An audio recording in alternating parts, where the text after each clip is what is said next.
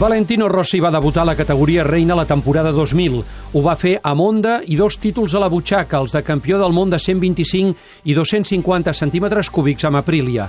Era pilot oficial però amb una estructura a banda de Repsol Honda, on hi havia Cribiller, Gibernau i Okada.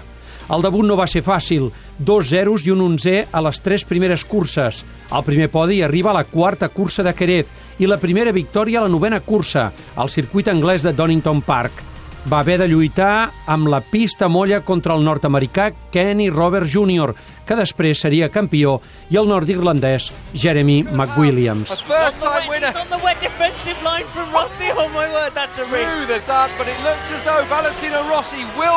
La primera victòria de Rossi va ser a Donington Park un 9 de juliol de l'any 2000.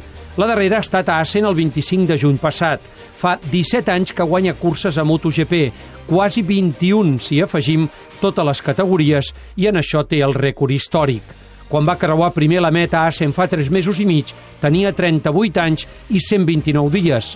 És el pilot més veterà que ha guanyat mai curses amb motos de 4 temps. 38 years old, the absolute masterclass. The longest winning career in all classes, 20 years and 313 days since his first win. What more can you say about the man? Més de 20 anys de carrera esportiva de victòries. Valentino Rossi és el pilot històricament amb més triomf a la categoria reina, 89. Amb les victòries de 125 i 250 en suma ara mateix 115, a només 7 del rècord mundial de Giacomo Agostini. Si vol assolir-ho, no pot retirar-se. Molts pilots voldrien heretar la meva moto i agafar-me el lloc, però no ho tindran fàcil. uh, Jo, per part meva, penso continuar al màxim nivell. uh, Cal ser competitius, si no millor quedar-se a casa. Decidiré el meu futur la temporada que ve, a la primera meitat de curses.